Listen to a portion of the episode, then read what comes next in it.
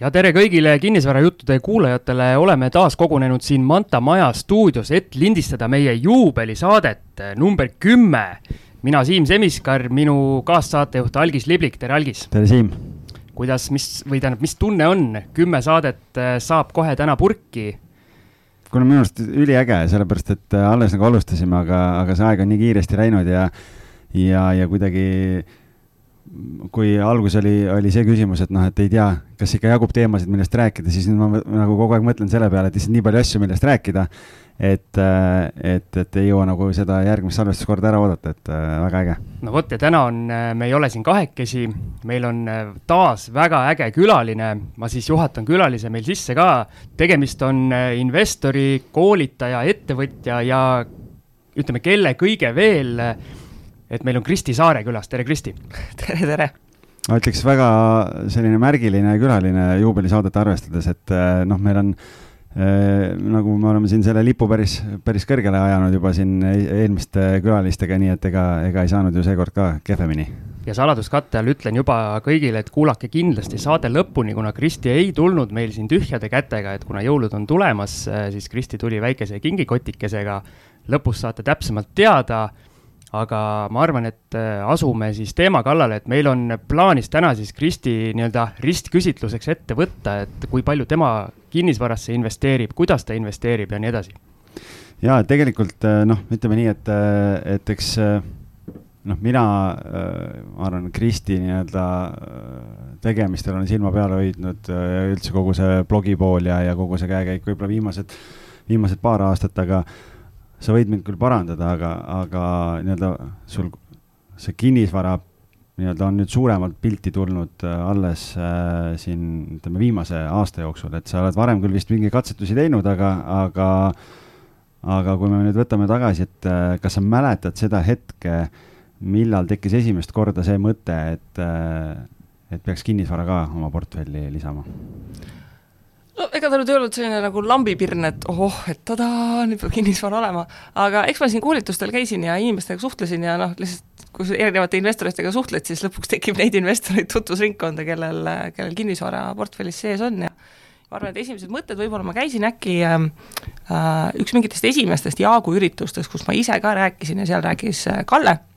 see oli veel siis, kui äh, see Stroomi residentsid, äh, see maja oli veel, ei olnud veel ehitama hakatud. et, et seal üritusel nagu osad vist ostsid, müüsid nagu neid viimaseid vabu Stroomi residentsid ja nagu neid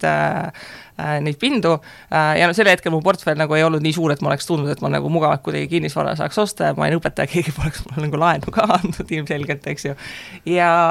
aga sealt edasi see kinnisvara mõte jäi mul veidi kummitama, ma käisin mõni aasta hiljem, ma käisin seal Peeter Pärtlisel kinnisvarakoolitusel äh, ja, ja ma enne seda noh, olin seal nagu surfanud natukene kinnisvaraportaalides.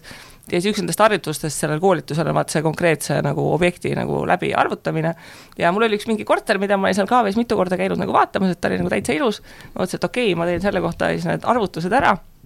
vaatasin, et noh, numbriliselt võiks nagu, nagu kokku joosta, mõtlesin, et isegi helistasin neile, et noh, kuulge, et tahaks nagu vaatama tulla, siis ütlesid, aa ei, ei, et see on nagu juba broneeritud ja ei saa, eks ju. siis ma vaatasin, et noh, pagan, ma nagu arvutasin, et nagu jumala ilusasti jookseb kokku ja, ja siis ei äh, toimi. aga siis äkki mingi kaks nädalat või kolm nädalat pärast koolitust vaatasin, et see kuulutus on ikka üleval kahtlane värk, eks ju, et noh, miks siis maha ei müüdud. ja, ja ma helistasin uuesti, et noh, kuule, tahaks nagu vaatama tulla, et, et miks ta teil üleval on äh,. ja siis tuli välja, et mulle sattus selline, selline haruldane nagu äh, asi nagu motiveeritud müüja. Äh, et see inimene, kes müüs, äh, ta oli ise selle ostnud ja renoveerinud plaaniga, et ta annab selle üürile, äh, aga ta oli ise saanud tööpakkumise teises linnas, et ta pidi ise Tartusse kolima, noh, ja tal ei olnud nagu mõistlik jätta mm -hmm. seda endale alles ja tal, see inimene, kes oli broneerinud, ei olnud lõpuks saanud pangast rahastust, nii et suht viimasel hetkel, kui juba vist notar oli kokku lepitud, oli see diil neil nagu noh, tükkideks nagu kukkunud. ja, ja siis ma helistasin suhteliselt nagu õigel hetkel, et neil oli vist nagu tegelikult mingi paar päeva tagasi oleks olnud pidama see notar olema. ja, ja, ja siis ma käisin vaatamas, siis ma vaatasin, et äh, see korter seest oli väga ilus, ta oli, kes teavad seda maja, Sõle viiskümmend kaheksa see, kus see alumine keldrikorrus oli vanasti bordell äh,, noh, nagu need kirikumajad on, eks ju see korter seest oli väga ilus, renoveeritud, noh nagu tõesti väga-väga ilus, äh, see maja ise oli nagu kole nagu öö, Äh, ja, ja see konkreetne koridor oli nagu veel koledam. Ähm, et, et kui sinna, ta oli nagu koridoris kõige nagu viimane, mis on iseenesest nagu hea, vaata, et sul ei ole mingeid naabreid ja muidu on väga okei. okay aga kui sa selle koridori ukse lahti tegid, siis ma alguses mõtlesin, et issand jumal, et kuhu ma tulnud olen nagu, et noh, appi ähm,. aga, aga siis astusid sinna nagu selle pisikese üksteist koma viis ruutut, see mu investeerimisraati kaassaatejuht Taani kutsub seda üüri, üüripanniks, eks ju, et lased vett täis ja siis on nagu noh, selline minibassein ähm,. ja, ja ta oli seest nagu, nagu selles mõttes väga ilus ja siis mul tuli meelde üks äh, kuskil koolitusel äkki keegi, ütles, et äh, et noh, ega need minikorterid, et noh, et see on nagu see sapakaga sõitmine, et noh, sisse ja väljaminek on veits nagu ebamugav, aga kui sees oled, et siis liigub. et noh, see inimene, kes nagu sellisesse korterisse läheb, äh, noh, niikuinii ta ei hakka sul mingitel ühisaladel nagu hängima või sul nagu mingeid sõpru õhtusöögile kutsuma, eks ju, et noh, tasub mõelda, et, et kes see potentsiaalne üürnik on. ja, ja ma käisin vaatamas ära ja mõtlesin, et, et nagu fine, ostame ära ja siis ähm, siis jalutasin koju ja siis tuli välja mõelda, et kus ma siis raha saan et äh, kuna noh, ta oli sellel hetkel, ei olnud seda mega hinnatõusu veel olnud äh, ja, ja täisrenoveeritud see kaheteist-ruudune maksis, mis ta maksis, kakskümmend tuhat. mis aasta oli, mäletad? tahaks öelda, et ta oli äkki kaks tuhat neliteist lõpp või kaks tuhat viisteist algus, kuskile okay, sinna okay., sest ma hoidsin teda lõpuks äh, kolm aastat veits rohkem ja ma müüsin ta maha, sest et ta läks minu enda uue kodu sissemakseks põhimõtteliselt, see raha okei okay., aga see motiveeritud müüa jube huvitav, sellepärast tegelikult, et et noh, see on hea vaata, kui, kui esimesega kohe niimoodi joppab, aga kas see noh, ma saan aru, et tal oli nagu kiire, tal oli vaja ka, aga kas sa siis said hinnast ka rääkida või? natukene sai jah, alla tegelikult, noh, mitte nagu väga palju, mingid, mingid mõned sajad eurod põhimõtteliselt seepärast ma kurtsin, et kuulge, et see koridor on nagu kole nagu öö, et nagu tee veits nagu, nagu alet. ja ma ütlesin ka, et ma ei pea pangalaenu ootama, et me võime nagu kiiresti tehingusse minna, et siis ähm, see oli ka selline motiveeriv nagu samm talle. aga oli sul mingi hirm ka või nagu äh, esimene objekt ja kas sa kartsid midagi või noh, sa ütlesid, et sul oli Excelis kõik läbi arvutatud, et sa teadsid, et nii lähebki? ei no vaata, investeerimisega on see, et nagu noh, numbrid on numbrid ja emotsioonid on emotsioonid, eks ju, et noh, mis ühe investori puhul tavaliselt nagu probleemiks saavad, on emotsioonid. ja noh, see ongi see koht, et sa vaatad Excelis, et jah, nagu numbrid on väga ilusad, eks ju, aga siis ikkagi see koht, et äh, noh, kui, kui enne seda ma olin nagu mingi, mis ma hakkasin kaks tuhat üksteist, kaks tuhat kaksteist investeerima, et noh, alguses alustad sa mingite väikeste summadega ja siis sa nagu paari aasta pärast seal notaris ja kirjutad seda allkirja, et okei okay,, kakskümmend tuhat, eks ju ähm,. noh, siis ikka nagu see jõnks nagu esimest korda käib ikka appi nagu kas ikka on õige otsus? nagu mida ma tegin, eks ju, et, et sellel hetkel ta oli ikkagi nagu selline suhteliselt arvestatav äh, protsent portfellist. palju üüri said selle eest? see oli äh, kakssada äh, pluss kommunaalid. väga hea tootlusega objekt ju, kümme pluss äh, prossu jah, ei ta oligi, noh, ega need pisikesed ongi tootluselt väga head, aga noh, see oligi nagu see, et äh, kes oli juba nõus sinna majja kolima, aga vaatas, et ta oli nagu seest nagu väga, väga super luks, siis äh, ei olnud probleemi üürnike leidmistega ja see oli veel nagu eriti huvitav, et esimesed üürnikud, mul elas seal noor paar, kahekesi ja nad elasid mul seal kahekesi nagu veits rohkem kui poolteist aastat vist. Nad kolisid lõpuks välja siis, kui tüdruk oli kaheksa kuud rase, et noh, tõesti nagu hälli siis, ei siis oleks sinna enam kuskile panna. vaata, kui lähedane sa oled, kui sa oled kahekesi nii külg külje kõrval kogu aeg et me eelmises saates rääkisime üürniku leidmisest. kui raske sinna üürniku leida oli, selles mõttes, et mis kontingent sul seal vaatamas seda käis ja? see on päris huvitav selle korteriga oli, tegelikult see probleem oligi see, et ta oli seest nii ilus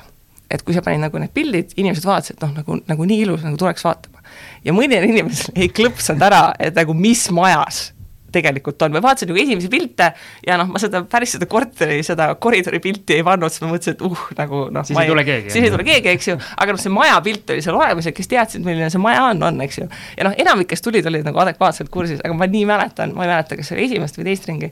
tuli üks selline tütarlaps, kes noh, ta oli nagu väga kallilt riides selliste väga kõpskingadega ja, ja siis ta, kui ta seal ukse peal oli, äh, et ma läksin talle sinna alla vastu ja, ja siis ma ütlesin talle kohe, et, et me võime küll minna seda korterit vaatama, aga ma olen nagu sada protsenti kindel, et noh, see ei ole sinu maja, kuhu sa tegelikult elama tahaksid tulla? minul on endal üks, ma vist siin saates olen korra rääkinud ka, mul on Valdekus üks korter, mida ma siis äh, ka andsin seal pärast koroonat natukene aega üürile. ja seal tuli ka üks selline roosas minikleidis liibuv, liibuvas kleidis, selline kõpskingadega tädi tuli vaatama.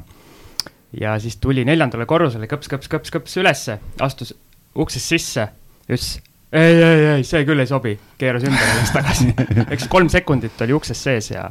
oligi kõik. aga see on päris huvitav nende mikrokorteritega tegelikult, et noh, erinevates Facebooki gruppides oled siin, ma ei tea, Finantsvabadus ja, ja mis need grupid on seal ja siis äh, see oli paar nädalat tagasi, kui keegi just äh, põrgatas sinna küsimuse, et äh, et noh, et, et, et kumma, et noh, et mul on valida praegu, et kumba osta, et kas kaheteistruudune äh, ja, ja,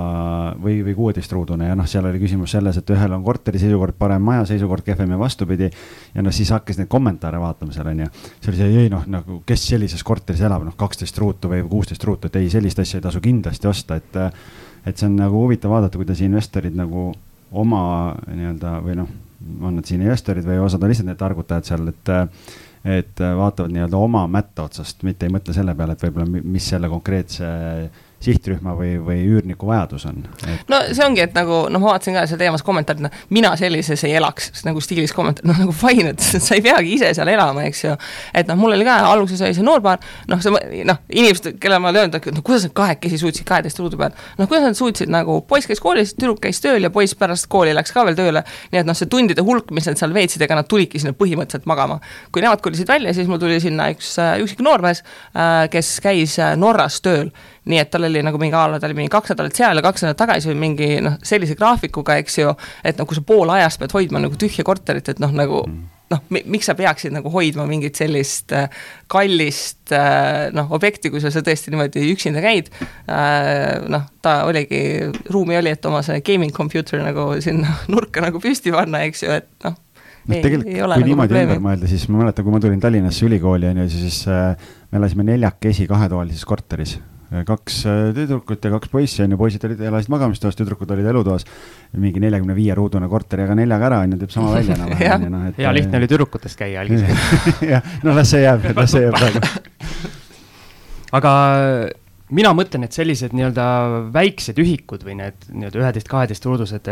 kui meil peaks siin nüüd ikkagi selle koroona lõpuks niisugune majanduslitakas ka tulema, need on ju ideaalsed objektid, kõik inimesed hakkavad nii-öelda downgrade ima, et tulevad seal oma fancy dest kahetoalistest, hakkavad ühetoalistesse kolima tagasi. tead, sellega on nii ja naa, et noh, on, on ühetoalised ja on ühetoaliseid, et ähm,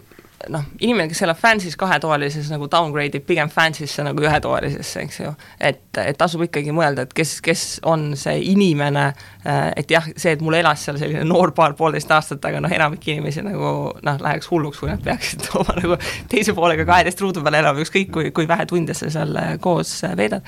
aga noh, minu arust nende ühetoalistega on see probleem, et noh, sealsamas nagu seal Sõlemajas, et noh, ma olen nagu silma peal hoidnud, mul ühel tuttaval on seal paar korterit veel, et noh, come on, need kaheteist ruudused on praegu seal müügis nagu mingi viiekümne tonniga et äh, noh, jah, nad olid väga hea tootlusega objektid, aga nüüd nagu noh, see hind hakkab minema minu meelest natukene absurdseks. korteri hind on juba. ja, et noh, see, see jaa, noh, see ruutmeetri hind, et noh, mille, mis on see pisikese nagu boonus, noh, ongi see, et ruutmeetrit on nii vähe, küte, noh, muud kõrvalkulud on selle võrra nagu väga nagu väiksed aga noh, eriti vaadates, et kui, kui tempokalt ja kuidas ehitatakse neid äh, noh, a la kuidas Jaak ja Karin ja kes siin ehitavad kõiki neid, äh, neid pisikesi, ähm, noh, see, mida sa saad nagu Sõle tänaval nagu selle kolm tonni ruuduga versus noh, mida sa saad mingis sellises uues renoveeritud arenduses, noh,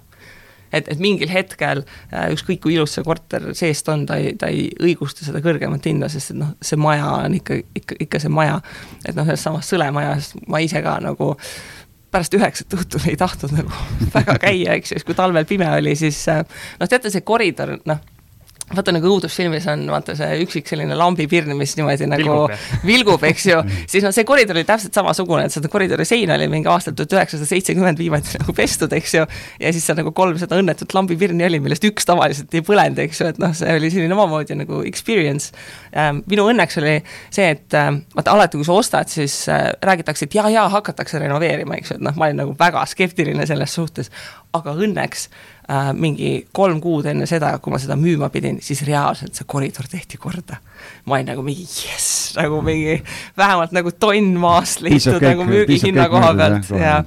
aga ma saan aru, et sa müüsid selle maha ja siis äh, sul ei jäänud äh,, ei jäänud nii-öelda halba muljet kinnisvarasse investeerimisest, vaid vastupidi, et äh, nüüd sa oled otsapidi tagasi. jaa, mul ei jäänud selles suhtes halba muljet, et nagu noh, põhimõtteliselt nagu ma, ma saan aru, kuidas kinnisvara toimib, aga, aga ma saingi teada, et nagu need ei ole päris need objektid, millega ma tahaksin nagu tegeleda, et noh, ikkagi nagu no sellises majas sul on igasugused mingid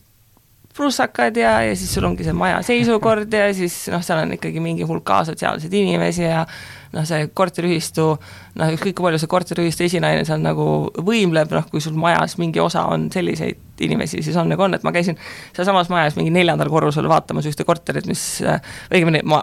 tahtsin minna vaatama korterit ja ma jõudsin nii kaugele, et, et me läksime seal, noh, seal olid nagu eraldi need äh, koridorid millel igalühel oli eraldi uks, et sa tegid selle ukse lahti ja siis sealt selline kassikusehais nagu lihtsalt uh mm. ja ma olin mingi, et noh, ei, et ma ei lähe vaatama, et noh, see, see ei ole nagu välja üüritav. et nende ühikamajade puhul on see, et iga nagu trepikoda või iga nagu koridor on nagu täiesti omamoodi selline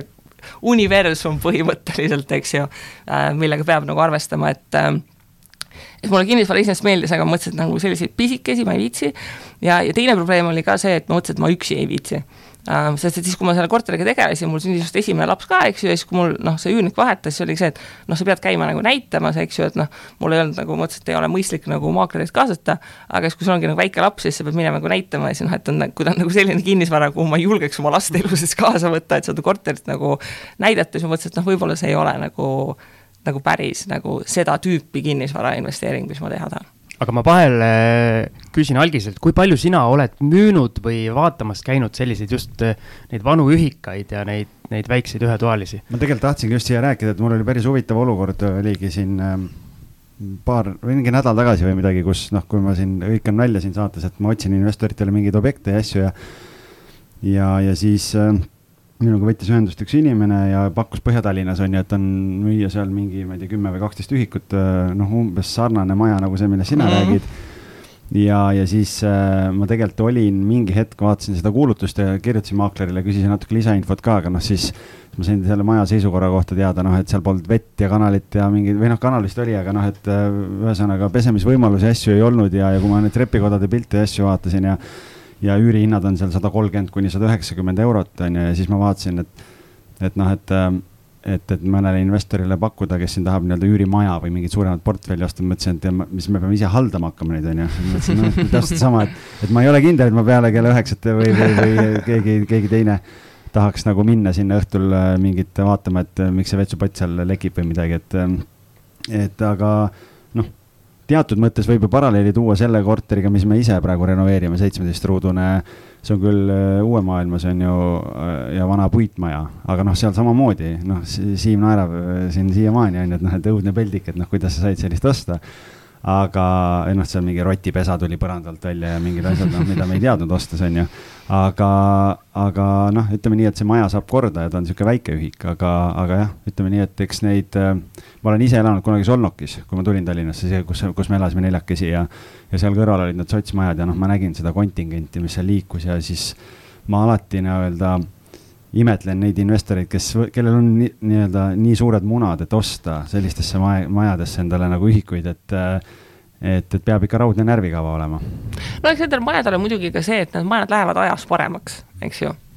et noh, selles suhtes nagu hästi nagu morbiidne vaade, eks ju, aga, aga osad inimesed, kes siin ajalooliselt on elama jäänud, lihtsalt surevad otsast ära või noh, mingi hulk nagu kolib välja ja noh, tegelikult kui investorid neid maju järjest hakkavad üles otsima, üles otsima ja üles ostma, noh, need investorid saavad ka survestada natukene seda korteriühistut, et mingid asjad nagu liiguksid ja noh, et äh, kui investor haldab korterit, siis on maksedistsipliin, et kommunaalvõlga nagu ei ole, et noh, mingid sellised asjad nagu teevad. aga noh, nende majade selline ümberpööramine noh, võtab nagu reaalselt lihtsalt aega, et noh, ongi see, et noh, väga mitu aastat noh, selles samas Sõlemajas nagu minu meelest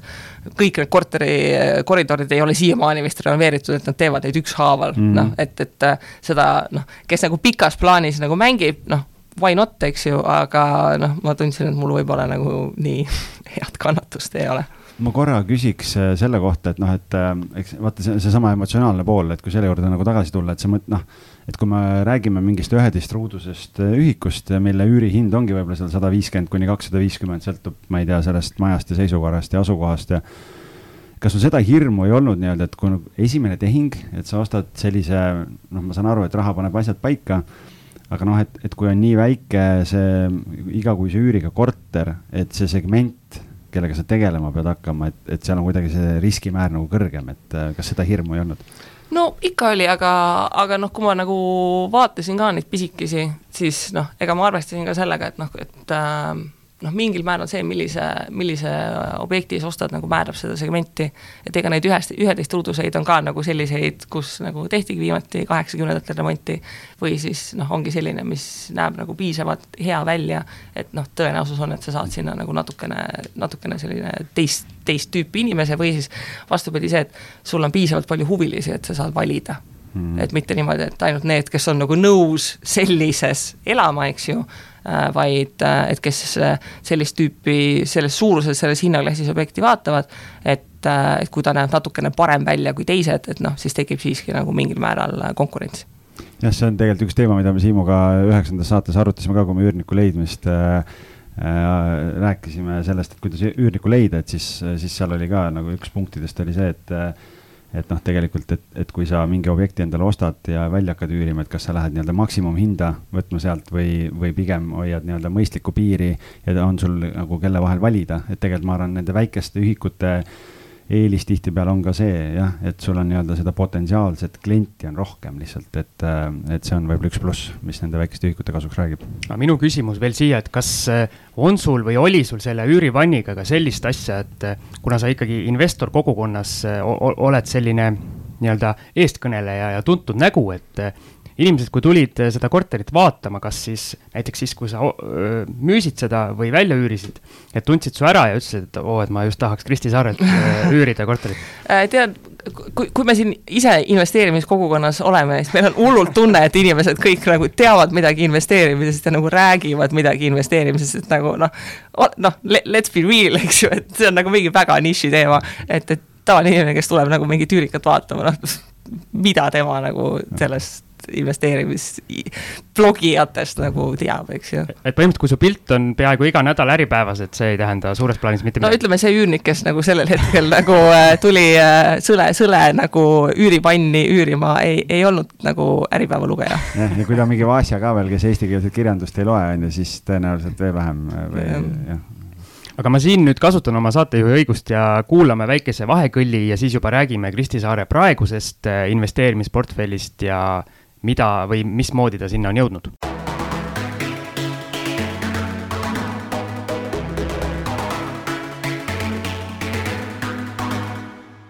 väike vahekõll kuulatud ja nagu eelnevalt lubatud sai, siis vaatame nüüd eh, Kristi Saare investeerimis kinnisvarasse investeerimisportfelli veidi lähemalt, et ütlesid, et äh, müüsid tolle korteri ära ja siis tegid enda jaoks järelduse, et üksi sa enam teha ei viitsi ja need ühetoalised ei ole päris sinu objektid, et äh, nii palju, kui ma nüüd su blogi olen kuula-, mitte kuulanud, vaid lugenud, et äh, nüüd te koos sõpradega teete ja olete valinud sellised kõige tavalisemad kahetoalised, ma saan aru, et räägi täpsemalt veidi jaa, me teeme kolmekesi, äh, mina ja siis äh, kaks sõbrannat. Äh, ja tõesti otsustasime, et noh, esiteks, et ei võta neid kõige õnnetumaid, kõige väiksemaid, et meie siht on kahe- või kolmetoalised. Ja piirkonnad sellised, mida me ise tunneme, et me laias laastus piiritlesime, et Põhja-Tallinn, Kristiine, Mustamäe, ja praeguseks meil viis korterit on käes, üks on Põhja-Tallinnas, kaks on Kristiines, kaks on Mustamäel ja siis äh, kuues korter on praegu broneeritud, mille ostutehing tuleb äh, jaanuaris, mis on siis Mustamäel ja mis on siis seekord äh, kolmetoaline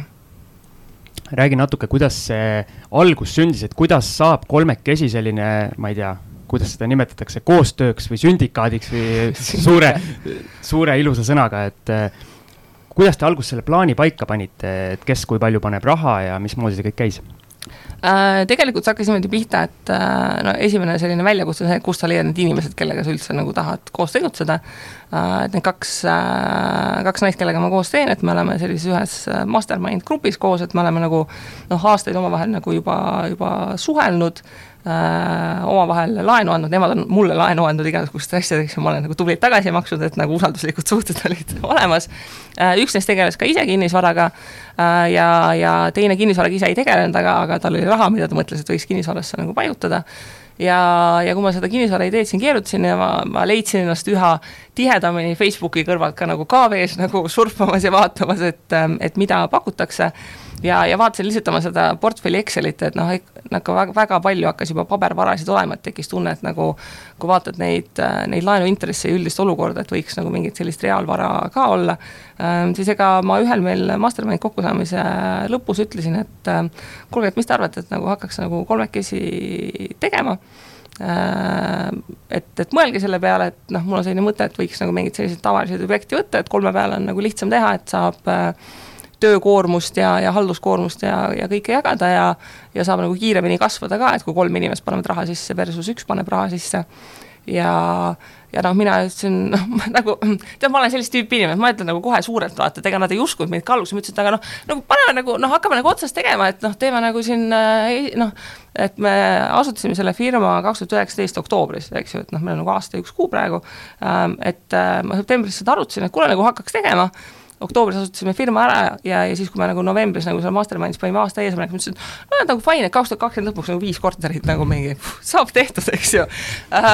uh, nemad kahekesi ei pannud nagu päris nii lennukaid eesmärke, ma olin mingi, mingi fine, mingi viis korterit teeme ära, eks ju. mis see nullist teha on aastaga viis? et noh, selles suhtes jaa, et nagu, et noh, kuule, nagu firma on juba olemas, eks ju ähm,, aga noh, vaata, noh, selleks, et asjad toimiksid, et sul ongi vaja, et noh, kellelgi oleks nagu usku, et asi toimib, eks ju, et me neliteist oktoober äh, asutasime firma ja neliteist november ostsime esimese korteri. aga kas te tegite kohe alguses nii-öelda plaani, et kõik panevad võrdselt raha sisse või teil on mingid äh, nii-öelda keerulisemad skeemid seal mm,? selle koha pealt, et, ähm, et me arvestasime nii, ähm, et kõik laias plaanis peavad panema võrdselt no lihtsalt ta muidu ei, muidu ei toimi, me mõnele inimesele me nagu jutu sees pakkusime, et noh, oleks nagu variant, et võtta kedagi nagu veel lauale, aga noh, eeldus on see võrdne panus. ühelt poolt võrdne panus rahaliselt ta ei pea olema nagu lühiajaliselt võrdne, et noh, lihtsalt nagu kuna meil need objektid tulevad nii kiiresti, siis noh, kõikidel ei ole nagu kogu aeg nagu sama hulk vaba raha, eks ju ähm,. aga et lisaks sellele rahalisele panusele me räägime ka sellest nagu tööpanusest, eks ju äh,. Neid inimesi, kes on nõus nagu lihtsalt, et ma panen raha sisse ja ma ei pea mitte midagi tegema, et noh, selliseid kinnisvarainvestoreid oleks nagu väga palju ähm,. aga, aga meil oli ikkagist see idee, et äh, noh, et, et asi toimiks, kõik peavad oma oskuste piires ka nagu tegutsema selleks, et reaalselt see halduskoormus nagu hajuks, et keegi kolmest nagu ei, ei põleks läbi ja ei tekiks seda olukorda, et üks tunneb, et aa, kuule, et noh, veits nagu ebaõiglane, et ma teen nagu nii palju ja, ja teised ei tee midagi mis see rollijaotus sai siis, et äh, kuidas te ära jagasite need asjad kolme inimese vahel? no me laias laastus tegelikult alguses äh, iseenesest nagu arutasime, tegime nimekirja kõikidest asjadest, mis, mis on nagu seotud üldse nagu sellise portfelli nagu haldamisega, lihtsalt selleks, et oleks see, kõikidel nagu selge arusaam, et mis see töö nagu päriselt seal taga on. Ähm, ja siis me vaatasime selle nimekirja läbi selle pilguga, et kellele mis ülesanded kõige rohkem nagu meeldisid ja, ja me vaatasime, et noh, mis ülesannete koha pealt meil on nagu sellist ülekatet ja mis on nagu need ülesanded, mille puhul nagu keegi nagu väga nagu teha ei taha. Ähm, ja noh, õnneks meil on selles suhtes selline hea nagu kooslus, et kui, kui me vaatasime neid rolle ja ülesandeid, et äh, noh, mina näiteks, mis sest, et meil on viis korterit ja meil on kuues Bronnis, ma pole mitte ühtegi üürnikku näinud. Ma ei ole kordagi käinud ühtegi korterit näitamas ega ühtegi üürnikut näinud, ma olen kirja teiega mõnega neist äh, suhelnud, sest nagu noh, mul on nagu noh, ma ei taha inimesi näha et noh, noh lihtsalt nagu ma, ma suhtlen nagu nii palju igapäevaselt, et lihtsalt see üürnikega lisaks tegelemine, nagu ma tunnen, et noh, mul on ka mingi suhtlemise nagu piir äh,. samas äh, mina olen see, kes ehitab meil mingeid Exceleid ja mingeid tootlusarvutusi ja asju äh, ja, siis, kui teised nagu noh, surfavad nagu kuskil KV-s, siis nad lihtsalt meil ühisesse chati kirjutavad, kuule, kui see korter maksab nii palju ja üür on nii palju, kas nagu numbrid jooksevad välja? ja noh, ma lasen siis Excelist läbi ja ütlen neile jah või ei põhimõtteliselt, et äh, noh, see on see computer says yes, eks ju, et äh, et võib nagu toimida ähm,. ja, ja noh, nemad selles suhtes rõõmustavad, et nagu nii tore, et ma käin need Excelid vaatamas ja seal on nagu kõik kirjas ja nad ei pea ise nagu mitte ühtegi nagu valemit trükkima. et, ähm, et see on selline nagu suhteliselt hästi nagu välja kujunenud, et meil oligi nagu oma sellised sihid, et kellele midagi meeldis teha, et näiteks üks meie pundist on selline, et talle nagu väga meeldibki inimestega suhelda, tema meelest see üüriäri kõige suurem pluss ongi see, et sa saadki pakkuda inimestele ilusat kodu ja talle meeldib inimestega nagu rääkida ja seda rõõmu nendega jagada, ma olen nagu mingi jess, palun nagu tegele kõikide nagu üürnikega äh,. kuna meil kõikidel korteritel natuke nagu mingit sisustamist vaja ka, siis üks meil kolmest on selline mingi mega mingi shopping'u käpp, et nagu ta otsib kuskilt Facebook Marketplace'ist või osta eest või noh, mingid madratsid ja voodid ja no, mida iganes, eks ju. annad ülesande kätte nagu ja siis on mingid, aa, kuule, näe, sealt saab mingit diili ja nagu organiseerib ära, eks ju. et ähm,, et selle koha pealt ähm, en-, enne kui sa nagu noh, neid objekte järjest tegema ei hakka, et tasub siiski nagu vaadata üle, et noh, mis need reaalsed nagu tööülesanded on, et noh, mul ka selle esimese korteriga, et ma ka mingid asjad, mille peale nagu, no ma alguses ei mõelnud, et sa pead tegema, kuni noh, ma ei tea, selles sõlekorteris seal oli mingi parkimine mingi parkimiskaartidega, noh, minu vene keel on nagu noh, nagu kohutav, no lihtsalt nagu väga kohutav. ja, ja siis nagu muidugi see korteriühist esinejad, kõik nagu kõik räägivad ainult vene keelt, eks ju, ja siis, siis äh, kuidas ma üritasin nagu telefoni teel, kuna millegipärast mu üürnik otse nagu korteriühist esinaisele ei saanud nagu helistada ja siis ma rääkisin üürnikuga ja siis ma rääkisin samal ajal telefonis nagu selle korteriühiste esinaisega, et noh, ma ei tea, mingi kartuška mašõna, noh nagu no minu vene keel ongi täiesti lootusetu, kuidas ma üritasin seda nagu ajada et noh, seal on mingi hulk mingeid ootamatusi, mille peale sa nagu ei tule, vaata, et mis tuleb tegeleda, et, et võimalikult nagu selline realistlik ettekujutus sellest äh, töömahust. ja, ja meil ta niimoodi laks-, noh, nagu loksuski selles suhtes paika, et me suutsime, vaatasime, et me suudame kõik nagu peamised valdkonnad nagu ära katta ja vaatasime, et noh, mis me nagu tulevikus tahame nagu outsource ida, et praeguseks me oleme ühe nagu maakleri endale ka appi võtnud, et kui meil kellegi aega ei ole, et siis saaks oma korteri siiski nagu, nagu ruttu välja ähm, ja ja noh, mul on assistent, kes ka vahepeal nagu saab mingeid asju aidata, et äh, kuna me ise oleme kõik nagu, liigume palju ringi ja noh, kõik teil on lapsed, vaata, et noh, siis selle ajaga on nagu täpselt äh,, täpselt on. et, et rääkisime nagu võimalikult selgelt ikkagi enne nii, nii selle rahalise panuse ootuse kui ka tööootuse ja noh, rahalise panuse koha pealt ka, et noh, kuna ma ütlesin, et noh, siht võimalikult ruttu kümne korteri, et sa saaksid nagu hakata ikkagi haldust nagu natukene välja andma, et noh, see tähendab, et isegi kui me nagu laene võtame sisse, et igaüks peab arvestama, et ta on võimeline noh, siin esimese aasta jooksul, et noh, tal on viiskümmend tuhat kuskilt nagu võtta selleks, et seda portfelli otsas kasvatada. aga räägi siis, äh, mis teie tootlusootus on, et kui sina oled see Exceli inimene, siis äh, sul kindlasti need numbrid äh, peavad kõik hästi kokku jooksma, esiteks see ja kui palju te siis võimendust olete seni võtnud, ma tean, et nii-öelda pankade juures alles nüüd käite, eks, et kui nullist Jaa. alustasite, et kohe ei saa pangalaenu, et ilmselt siis kuskilt mujalt on see võimendus võetud ja no ikka sellist omakapitali tootluses viisteist prossa ikka nagu tulla. aga noh, vaata, siin ongi see, et noh, praegusel hetkel äh, meil on see portfell nagu väga ehitamise faasis. et noh, üürikorteriga on paratamatult see, et kui sa ta ostad ja sisustad, noh, sa alguses teed igasuguseid nagu kulutusi, noh ja siis see tootlus hakkab vaikselt nagu, nagu ronima ähm,. et praegu äh, kuna me tegime, meil on eraldi juriidiline keha, ähm, kus see kinnisvara on, siis noh, praeguseks ongi see ettevõte on aasta aega vana, et noh, see on nagu, ta ei ole klassikalises mõttes väga laenukõlbulik ja, ja me sihtisimegi, et, et me saaksime nagu korterid peale ja jooksma, selleks, et siis saaks minna panga ukse taha et noh, tahaks saada nagu, nagu natukene raha. ja me olemegi võtnud praegu eraisikutelt laenu, meil on äh, kaks eraisikut on laenanud suuremad summad, nii et nendel kort-, kahel korteril on hüpoteegid peal äh, ja, ja siis teised on laenanud selliseid väiksemaid niimoodi kümme tuhat tuhat, viis tuhat nagu selliste nagu tükkidena äh, ja sealt on siis kombineeritud kokku nagu äh, selline ülejäänud äh, finantseerimine ja siis praegu ma siin jaurangi pankadega sellel teemal, et ma tahaksin kõik korterid ühe pangalaenu alla saada ja need välislaenud välja finantseerida ja siis, kui selle saaks tehtud, siis põhimõtteliselt see esimene punt kortereid jookseb ja siis saab välislaenudega hakkama nagu järgmiseid peale võtma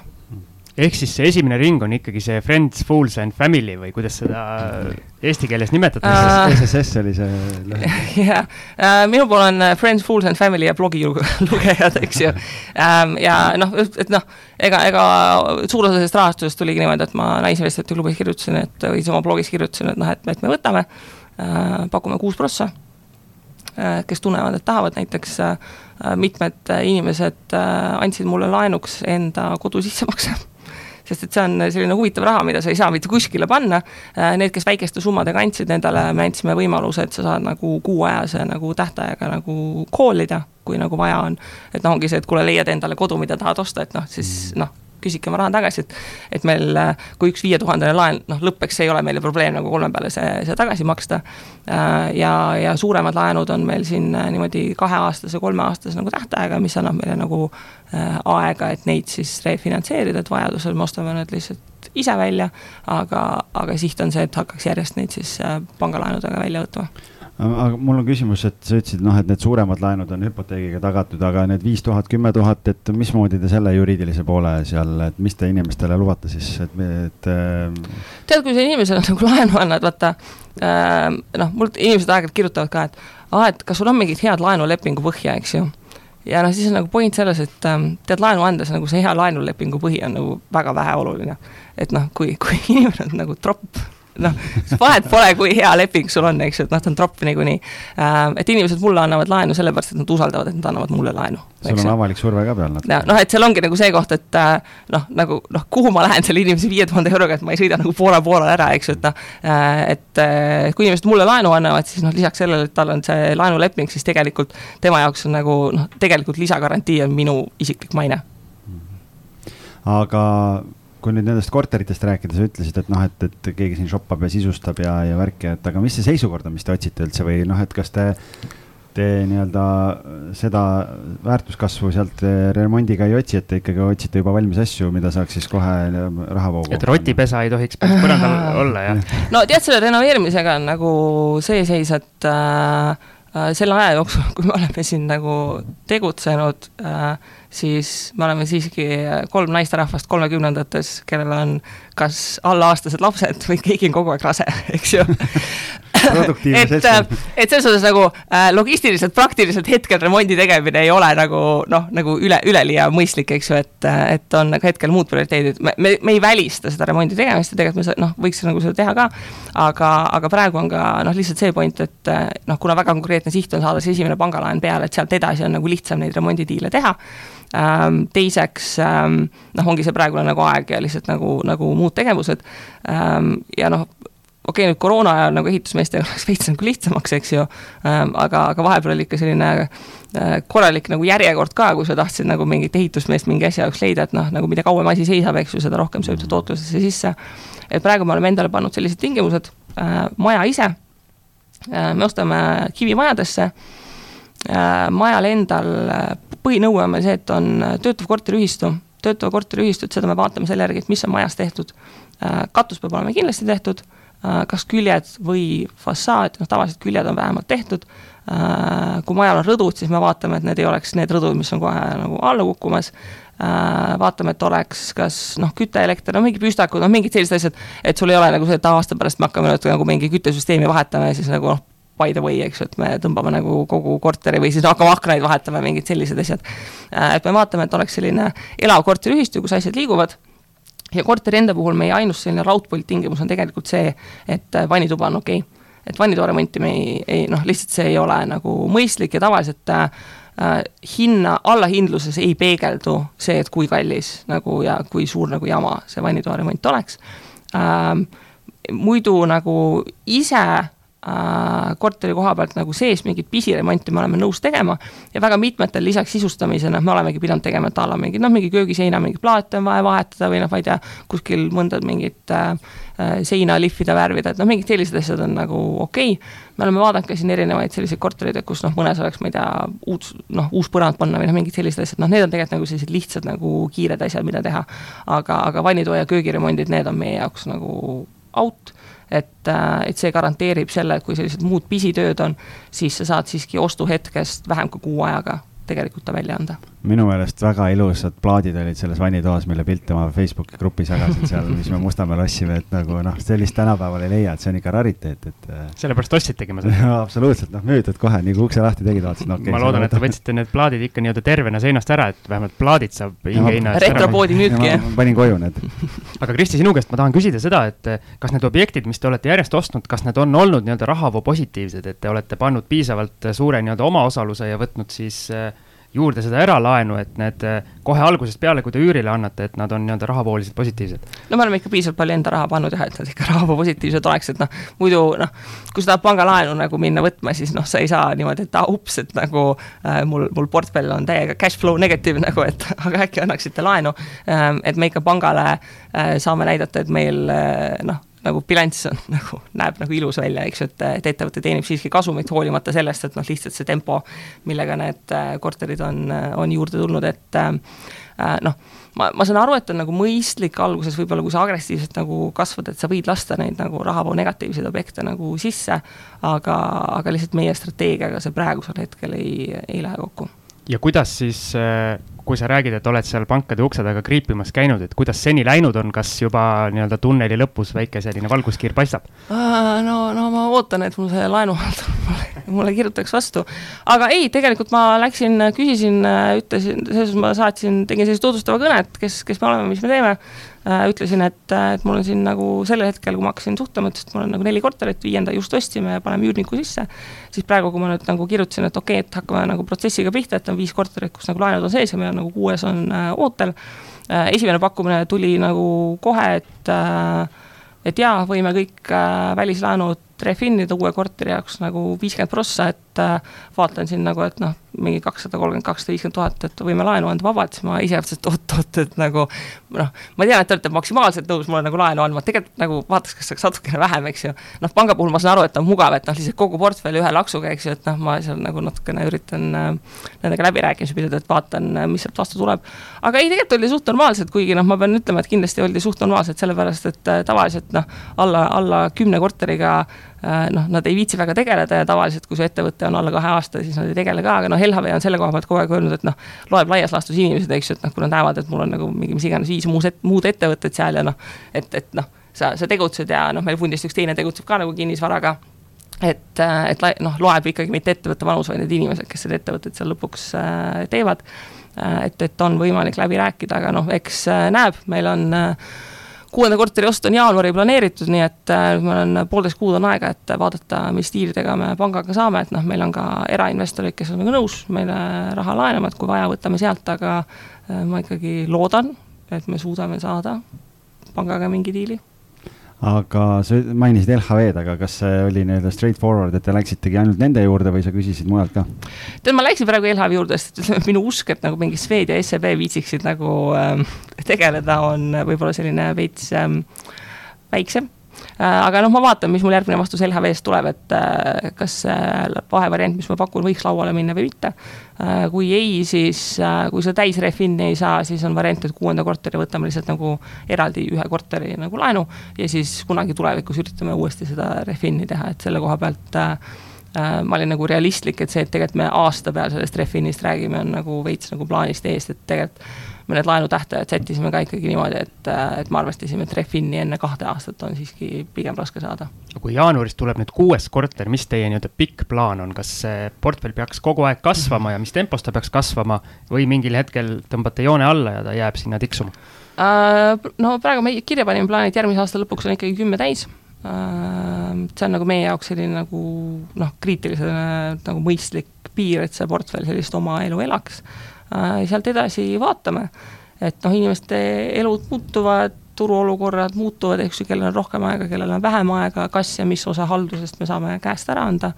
Ähm, et ega meile endale noh, nagu igale investorile üldiselt nagu kõige rohkem meeldib see, see objektide valik ja noh, ütleme, kui millegi hulgast valida ei ole, siis ei ole ka nagu midagi osta, eks ju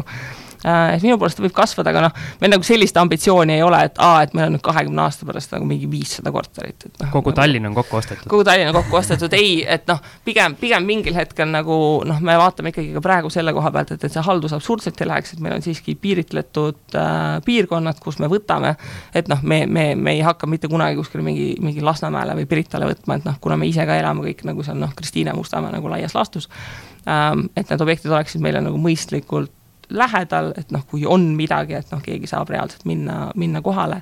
Ähm, et selles suhtes ei, ei ole nagu sellist ambitsiooni, et nüüd nagu mingi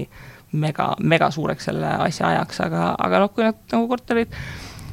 tulevad, siis noh, kuna meile meeldib, et siis võib nad ju ära osta, et probleemi ei ole ma tulen korra aasta tagasi sinna, et noh, sa panid äh, üliambitsioonika eesmärgi, et aastaga viis ära teha, ma saan aru, et nüüd kuues on jäetud jaanuari, et muidu oleks sõbrannad šoki saanud, et noh, et äh, ületasime veel. no kuuendale bronn peale pandud, lihtsalt seal logistiliselt see tehing tuleb jaanuaris, kuna me saame selle korteri remonditult ah,. et okay. seal äh, lõpeb remont ja siis me ostame ta nii, et ta on nagu ready to rent. et, et kui me oleks ilma remondita ostnud, siis oleks tegelikult see aasta olnud, et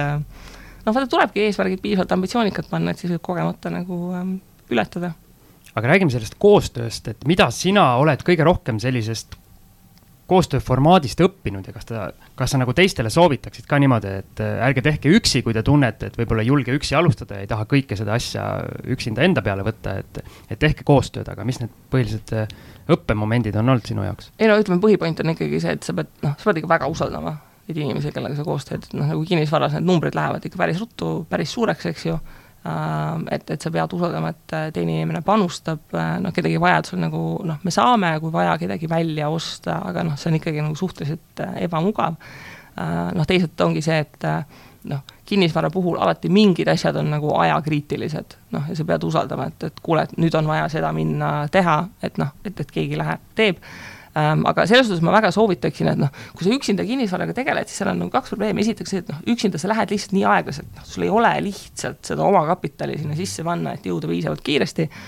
Äh, teiseks on see, et noh, kui sul on ikkagi mingi, mingi oma elu, oma töö, mingid asjad, millega sa tegeled, siis noh, see, see aja hulk on piiratud, kui sa saad seda kolme inimese peale nagu jaotada, on selle võrra nagu lihtsam, et äh, noh, me näiteks Äh, neljanda korteri ostmise ajal mina parajasti olin sünnitusmajas, siis kui nagu üks teine partneritest oli notaris, äh, et äh, ma seda neljandat korterit ise, ma ei jõudnudki seda vaatama, eks ju, et teised käisid vaatamas, tegime otsuse ära ja siis noh, ma läksin sünnitama, et nad ostsid ära, ma pole üürnikut ka näinud, et mõtlesin, noh, kui see üürnik välja kolib, siis ma kunagi lähen vaatan, mis korteri me ostsime, eks ju, et et,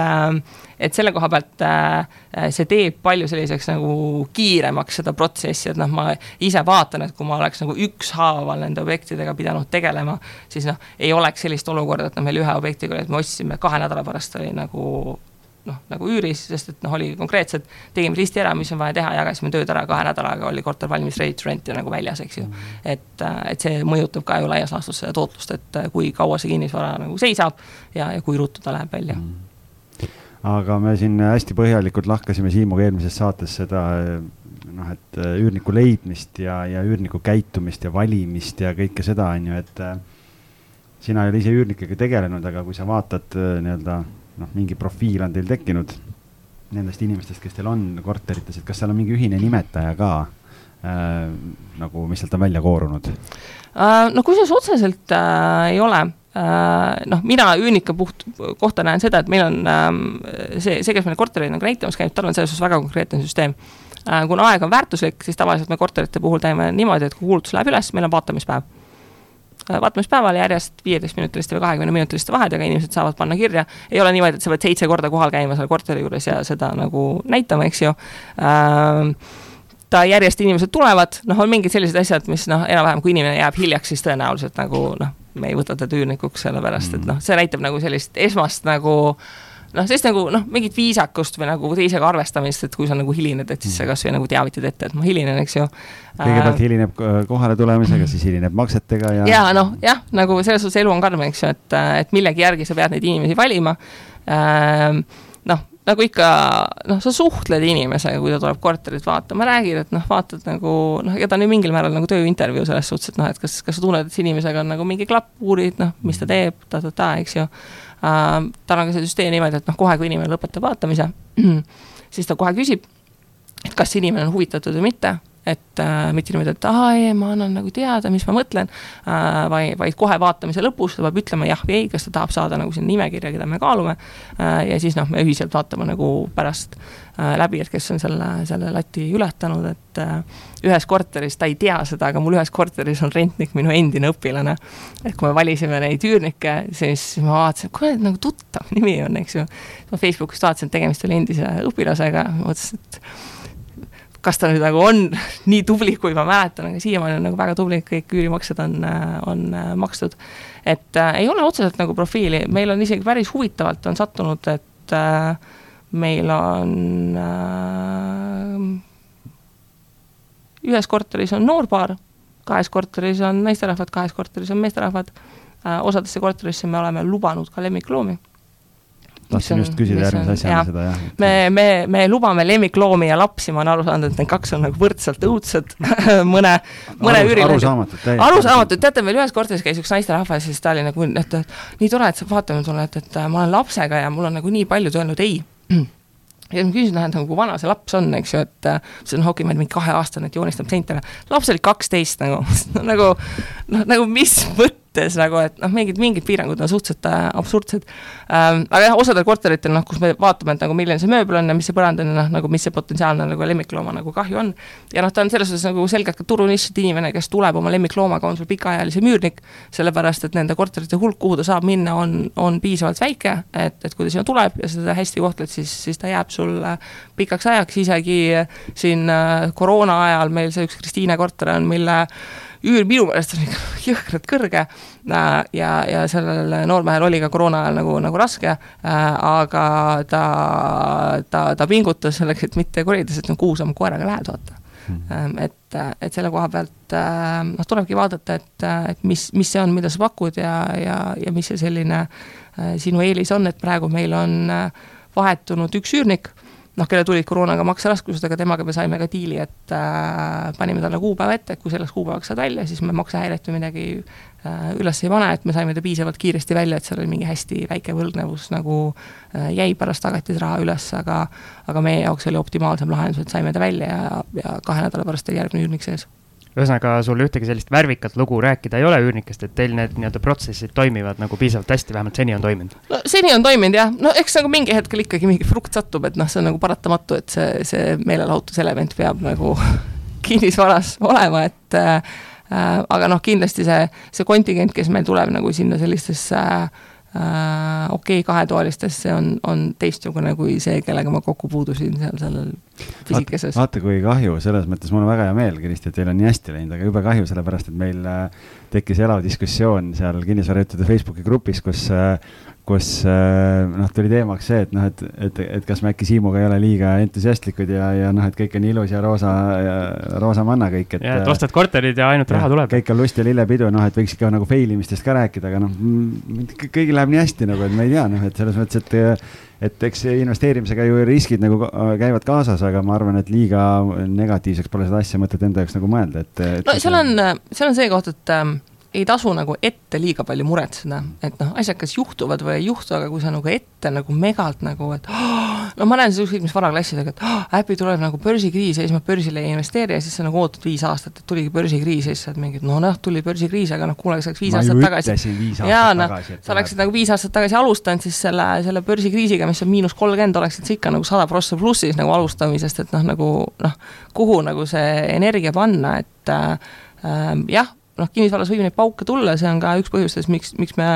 noh, sihime, et nagu pigem portfellis oleks nagu rohkem objekte kui vähem, et kui ühega mingi nagu pauk tuleb, et noh, siis on see risk selles suhtes maandatud, et meil ei ole nüüd kohe probleemi, et oh, nüüd ei saa nagu laenu ära maksta või noh, noh, mis iganes, eks ju. et, ähm, et selle koha pealt äh, noh,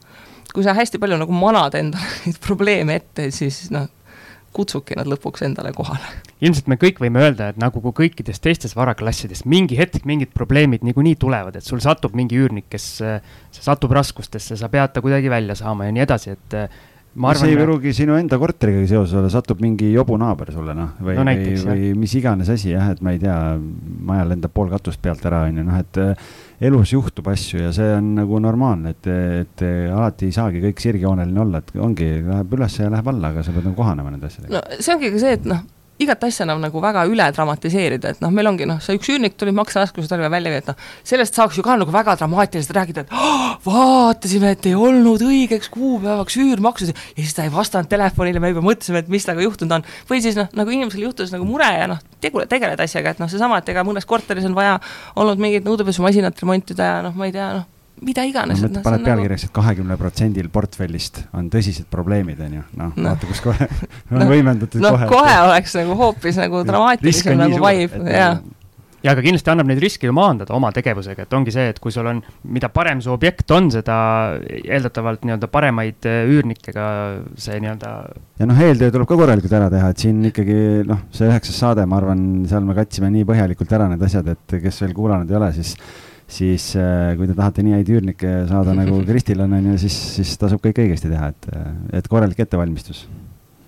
on sul algis veel midagi küsida? mm,? ja ma võib-olla ikkagi tahaks need ennustusminutid ka ära teha, et, ähm, et, et noh, kuna sina oled ju nii-öelda ihu ja karvadega ikkagi nii-öelda majandus ja, ja, ja investeerimismaailmas sees, et ähm, mis sina nüüd arvad siis, mis see kaks tuhat kakskümmend üks toob äh, üldiselt majanduses ja, ja võib-olla siis spetsiifilisemalt ka, et äh, kinnisvaraturule, et noh, märtsis, kui see esimene laine hakkas meil, noh, siis kõik ju rääkisid, et sügisel on kollaps, noh, nüüd on, nüüd on õige aeg, on ju, aga noh, tegelikult kui ma vaatan siin tehinguid, mis ma olen teinud siin viimase poole aasta jooksul, noh, turg toimib normaalselt, numbrid on jälle paigas, on ju, et äh, kuidas sina näed, et äh, mis, mis järgmine aasta saab? No esiteks mina ei ennustanud kinnisvaraturu kollapsi. Äh, meie jätkasime plaaniga, et, äh, et osta me ostsime ühe korteri kevadel, me ostsime ühe juunis ja ühe ostsime augusti lõpus Äh, just selle eeldusega, et, et seda väga suurt kollapsi ei tule, et noh, seal on nagu numbrid taga, et noh, me ostame neid kahetoalised Mustamäe kortereid, noh, mis on seal hind suurusjärgus seitsekümmend tuhat, eks ju. noh, selle korteri kommunaalid kuus on noh, sott, eks ju. Äh, kui inimene nagu, kui tal ei ole nagu põletavat vajadust müüa, ta võib aasta aega oodata müügiga selle asemel, et lasta tonn hinnas alla. Noh, kellelgi ei põle seal. ja noh, kinnisvara puhul on ka see küsimus, et noh, okei okay,, need üürid nagu jõnksasid alla, et noh, kuna see Airbnb poolt nagu tuli see laks, aga noh, see oli piirkonnaspetsiifiline, noh, kesklinn sai kõvasti rohkem peksa kui näiteks Mustamäe, ja, ja noh, kõik räägivad, aa, tuleb mingi kinnisvara sundmüügid ja mis iganes, noh esiteks praegu nagu nende kodulahenduse struktuur on hoopis teistsugune ja noh, ütleme nagu karm vaade nagu reaalsusele, et noh, noh, sorry, aga need inimesed, kes nagu töötavad äh, hotellides nagu toateenindajatena või, või nagu restoranis ettekandjatena, noh, nad ei ole need kinnisvaraomanikud Nemad ongi üürnikud. noh, nemad ongi üürnikud, et äh, noh, jah, et nagu realistlikult nende elu läheb palju kehvemaks ja see koroona mõjul, noh, ta tõmbab seda, seda rikkama ja vaesema otsa nagu vahet nagu väga suureks, aga, aga noh, oleme realistlikud, kui mina vaatan enda tutvusringkonda ka ja, ja vaatame, mis toimub aktsiabörsidel äh,, siis noh, minu tutvusringkonna investorid on kõik aasta lõpus rikkamad, kui nad olid aasta alguses noh, et, et see on nagu väga-väga struktuurselt äh, ebavõrdselt ühiskonnagruppe tabanud ja noh, vaadates noh, praegu neid vaktsiiniuudiseid ja, ja igasuguseid muid asju, siis äh, mina kaks tuhat kakskümmend üks ikkagi ennustan täiesti uusi tippe. See on ju väga hea, väga hea, vot, aga mul on üks äh, nii-öelda täiendav küsimus siin veel. et kuna sina oled ise ka nii-öelda siin pensioniteemadel hästi palju kirjutanud ja, ja sõna võtnud, et ähm, järgmisel aastal Äh, on inimestel võimalus nüüd äh, otsustada, kas nad võtavad oma raha välja või ei võta. et ähm, mis sinu soovitus on inimestele, et, äh, et noh, ütleme, et siin on kindlasti väga erineva, erineva nii-öelda taustaga ju inimesi, kes meie saadet kuulavad. Aga, aga mis selline võib-olla, kui saab nii-öelda keskmise soovituse võtta või, või nii-öelda üldistada kuidagi, et, et mis siis tark teha oleks? no kui üldistada, siis äh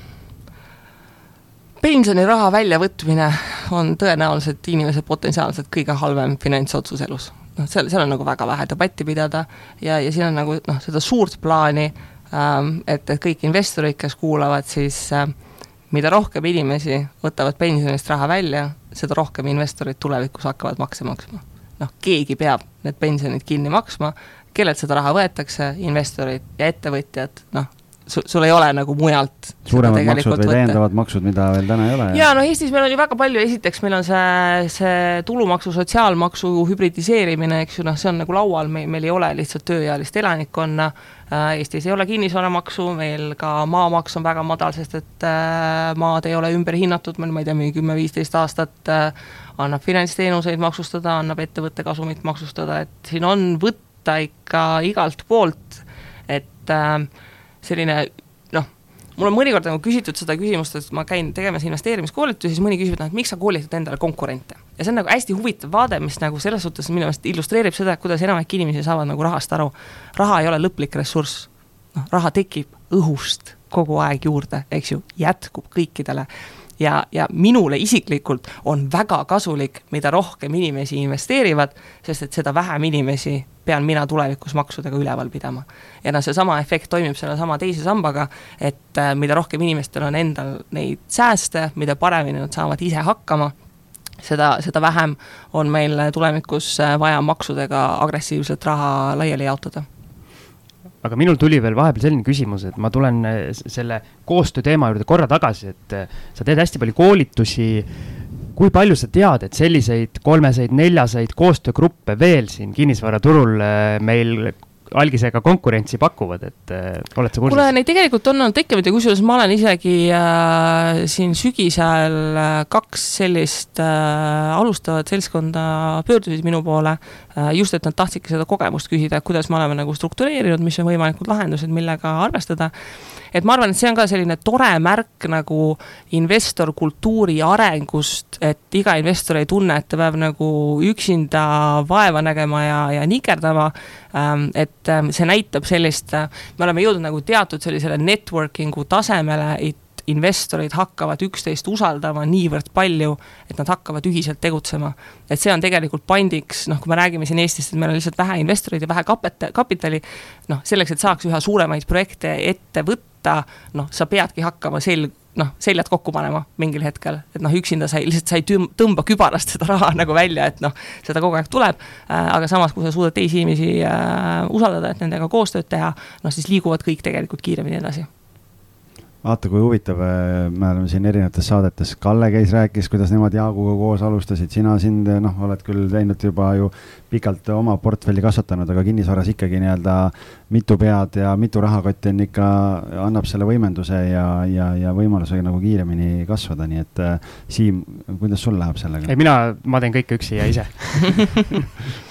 jaa, aga vaata, sa ei tee üksi, et noh, kasvõi see, et noh, ega meil on ka selline oma investor nagu selline chat, eks ju, kus me jagame mõtteid ja kogemusi, et noh, alati ei pea nagu, nagu rahakott siis ühes kapis olema. aga noh, juba see, et sa jagadki nagu kogemusi, mõtteid, õppetundi, et, et äh, investeerimiskapital ei ole ainult nagu raha, ta on ka aeg ja ta on ka teadmised ja teiste inimestega suheldes on võimalik säästa aega ja, ja suurendada teadmisi, et äh, et see, see aitab ka kõvasti edasi ja meil siin algisega oma nali, et äh, algis on korduvalt oma, oma nii-öelda abi mulle pakkunud äh, maaklerina ja ma olen alati ära öelnud, et äh, ma tahan kõik asjad ise teha. noh, okei okay,, selles mõttes, et ma nii-öelda jah, siin kaadri taga, eks me ikka arutame päris palju ja, ja, ja jagan oma kogemust ja nii. ei, seda ma ütlen kõigile, et algis on väga suureks abiks olnud minule näiteks ja, ja samamoodi ma olen ka teistelt investoritelt küsinud ja ikkagi nagu ka Kristi meile ütles, et eh, nii-öelda mitu pead on mitu pead, et alati tasub, kui sul on mingi, mingi mõte, tasub see kuskilt eh, nii-öelda läbi lasta, et võib-olla keegi teine vaatab asjale hoopis teise nurga alt, kui sina seda oskad teha.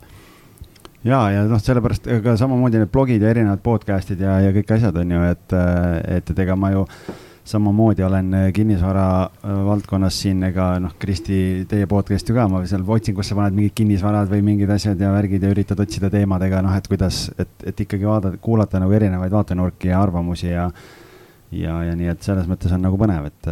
et, et igalt poolt tuleb ju võtta, peab nagu švamm olema. Ja üks koht, kus küsida, on kinnisvarajuttude Facebooki grupp, kus äh, päris mitmeid huvitavaid diskussioone vahepeal siin toimunud on, et et äh, andke aga tuld. ja, ja kuna noh, ma tean, et ega Kristil on ju ajaga nagu on, on ju, aga paneme ikka natukene, teeme elu veel raskemaks, et ma arvan, et kui meil see saade välja tuleb ja ja me seda sinna jagame, siis äh, kui, kui jäid mingid küsimused küsimata meil, võib-olla, mida tahaks kinnisvaraga seoses Kristilt küsida, siis äh, tulistage sinna postituse alla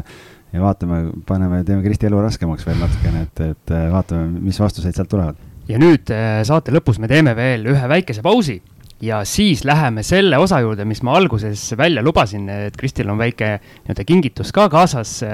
ja laseme tal endal sellest veidi ligemalt rääkida.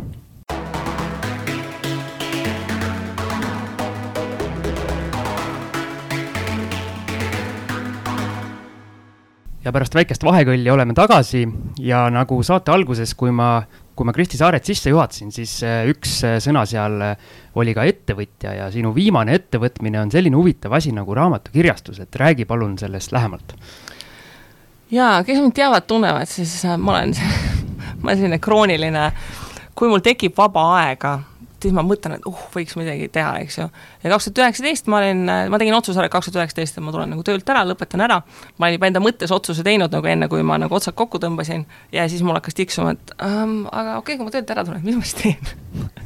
et nagu võiks ju nagu midagi teha. Ja, ja ma selleks hetkeks ma olin ise selle raamatu kirjutanud, et see, kuidas alustada investeerimisega, et ma olin selle protsessi nagu läbi käinud. Ähm, ja, ja ma olen selline inimene, et mul on kodus nagu, ma tean, et osad inimesed loevad e-raamatuid, mina olen see inimene, kellel kodus lisaks e-raamatutele on nagu väga suur raamaturiiul ähm,, kust sõbrad käivad kogu aeg laenutamas. Äh, ja päris tihti, kui ma raamatusoovitusi andsin, siis äh, tuli see probleem ette, et äh, ma soovitasin mingit raamatut ja seda eesti keeles ei olnud olemas. et oli ainult inglise keeles. Ja noh, mitmed inimesed, isegi kui sa inglise keelt nagu noh, tavakasutajana oskad, noh, lugemine on siiski emakeeles nagu lihtsam, eriti mida tehnilisemaks ta läheb. ja siis ma mõtlesin, et äh, noh, tundub nagu selline väga okei projekt, et äh, võtaks siis nagu mõned raamatud, mis mulle endale on nagu meeldinud ja mis ma tunnen, et on puudu, et kirjastaks ära, et selline nagu hea vaikne tegutsemine äh, avastasin, et ähm, kui keegi tahab teha nagu mingit startup'i, siis kirjastusbusiness ootab nagu disruption'it, et noh, see on nagu uskumatu nagu, kui aeglaselt selle asjad käivad. ma mõtlesin, et need raamatud on eelmiseks jõuluks nagu väljas, eks ju, aga ma sain nagu eelmiseks jõuluks sain nagu õigused alles lukku, sest et noh, need asjad liiguvad seal väga-väga aeglaselt. ja, ja võtsingi fookuseks sellised raamatud, mis nagu võiksid sellist rahatarkust, investeerimist, ettevõtlust, pealehakkamist nagu julgustada ja noh, kui juba midagi nagu launch ida, välja tulla, et noh, mis, miks siis nagu ühe raamatuga alustada, et ma võtsin kohe nagu kolm tükki korraga, et noh, kui juba, siis juba, edaspidi tulevad ühekaupa, mu disainer keeldus muidu minuga koostööd tegemast, kui ma talle jälle kolm raamatut saadaksin äh, tegemiseks. ja, ja siis see kirjastus nagu, nagu sündiski ja praegu nüüd ongi esimesed kolm raamatut äh, on, äh, on väljas. Üks nendest on suunatud eelkõige mõeldes nagu Naisinvestorite klubi naistele, et sellist või kellel iganes perel, peres tütred kasvavad, selline hea lugemine sellest, et kuidas me poisse ja tüdrukuid natukene erinevalt kasvatame, et raamat on julge, mitte, mitte täiuslik siis teine raamat on maailma enim müüdud laste rahatarkuse raamat äh,, koer nimega Money, mis mingil müstilisel põhjusel ei olnud eesti keelde tõlgitud, aga saate aru, see on täiesti ulmeline raamat, seda on üle viie miljoni maailmas nagu trükitud, selle kohta tehti Aasias mingi muusikal, mis mingi aastaid jooksis, no mingi täiesti nagu selles nagu mis vanuses äh, lastele see on? ta on selline alates kümnest et see on see vanus, kus meil tegelikult on ka eestikeelses nagu kirjastus, kirjanduses nagu auk, et noh, meil on see Tom õpib rahamängu, mis on nagu sellised algklassid, siis on see mingi minu esimene raha, mis on ka väga väikestele, ja siis on noh, see Roosaare ettevõtlusõpik on juba selline nagu noh, pigem nagu gümnaasiumiõpilastele, siis kohe nimega raha, ma ütlen, et ta on nagu vanusest kümme kuni nagu sada. et ähm, see on selline huvitav raamat, et Ähm, kui sul on tutvusringkonnas nagu mõni, mõni pere, kus on sellises vanuses lapsed, see oleks nagu hea raamat, mida kinkida ja siis muuseas, kui lapsevanemad loevad, siis neil on ka sealt nagu väga, väga palju äh, tegelikult ähm, õppida äh,. ja, ja kolmas raamat on äh, siis see, mis ma tõin siin algisele Siimule kingiks, et äh, Ärihai lugu, kes on Shark Tanki kunagi vaadanud, siis äh, Barbara Conquer on üks ka seal Shark Tanki investoritest ja tema Ärihai lugu siis on selline autobiograafiline lugu, kuidas ta siis oma kinnisvara impeeriumi Manhattanil üles ehitas alustades seitsmekümnendatest ja noh, siis, siis sa loed seda ja siis sa mõtled, et appi, kui tore, et aasta on kaks tuhat kakskümmend, eks ju, et noh, tema lugu hakkab sellest, et noh, ta on äh, nagu mingi väga paljulapselisest perest pärit ja ja noh, sel-, sellel nagu ajal noh, üldse nagu naisena ja nagu kinnisvara ja ja selline huvitav kogemus, et äh, kuidas tal oli mingi selline mees, kes tema sekretäriga ära jooksis ja, ja, ja firma ka ära võttis ja siis tuli uuesti nagu pihta alustada, et äh, see selline hea huumoriga ta ja ta ei ole ainult nagu kinnisvara inimestele, ta on ka nagu ettevõtjatele selline nagu mõttekoht, et et miks sa oma äri teed, mis motivatsiooniga, et noh, kuidas sa torkad silma, et on nagu selles suhtes väga sellised ähm, ülekantavad ähm, õppetunnid, et ähm, et ma, ma valisingi noh, need raamatud välja, noh, need, mis mul ka siin äh, edaspidi listis on, et sellised raamatud, mida ma äh, ise lugesin ja, ja tundsin, et nad andsid mulle nii palju väärtust, et ma, et ma väga tahaksin, et teised inimesed neid äh,, neid ka loeksid ja, ja selleks nad ongi äh, eesti keeles äh, kaante vahele saanud mul kohe, ma just kohe siin hakkas server tööle, mõtlesin, mul on juba see nii-öelda nimekiri kodus on paigas, et mis järjekorras ma neid raamatuid pean lugema, nüüd, nüüd sa disrupt isid selle ära omakorda, et ma pean nüüd hakkama vaatama, et, et ma pean seda järjekorda seal muutma hakkama, et mul üks raamat saab kohe läbi, nii et, et siis äh, vist peab selle hoopis järgmisena võtma. ja, ja kui Rist, kui Kristi mainis, et ta Ärihai lugu selle raamatu meile kingituseks tõi, siis tal on kingituseks toodud see ka meie lugejatele või kuulajatele, tähendab, et äh, ja meie plaan on siis järgmine, et saates number üksteist ehk siis järgmises saates teeme algisega nii-öelda kuulajate küsimuste saate ja Facebooki grupis Kinnisvara jutud palume teil siis kirjutada vastava alamteema alla, mis sinna tehtud saab oma küsimused, mida te tahate kinnisvarasse investeerimise või üldse kinnisvara kohta minult või siis peamiselt algiselt küsida, et mina olen see lihtsalt saatejuht, algaja siin sina oled praktik, investor praktik, et mina, mina noh, selles mõttes, mis ma tahan lihtsalt öelda, ma loodan, et küsimusi tuleb palju. teistpidi meie nii-öelda aeg on ka suhteliselt piiratud, et me loodame, et me peame seal valiku tegema veel ja siis lõpuks tuleb see valik, kes siis kes selle raamatu endale saab, kõige Just, parema küsimuse esitaja? parima küsimuse esitaja meie hinnangul saab siis äh, Ärihai lugu raamatu, kingitus Kristi Saarelt, aga. võtame autogrammi ka sisse sinna. absoluutselt äh, aga Kristi lubas, et tal on ka sooduskood, et me siin jõulude eel oleme just välja tulemas, et ma ei tea, kas nüüd eh, jõuludeks jõuab, eh, kui siin pakiautomaadid kõik täis on, aga proovida kindlasti võite või siis järgmisteks jõuludeks või eh, just vastupidi, jaanuaris palju aega kõigil kindlasti kõik pühad läbi, et saate rahulikult lugeda, et, et Kristi, äkki räägid?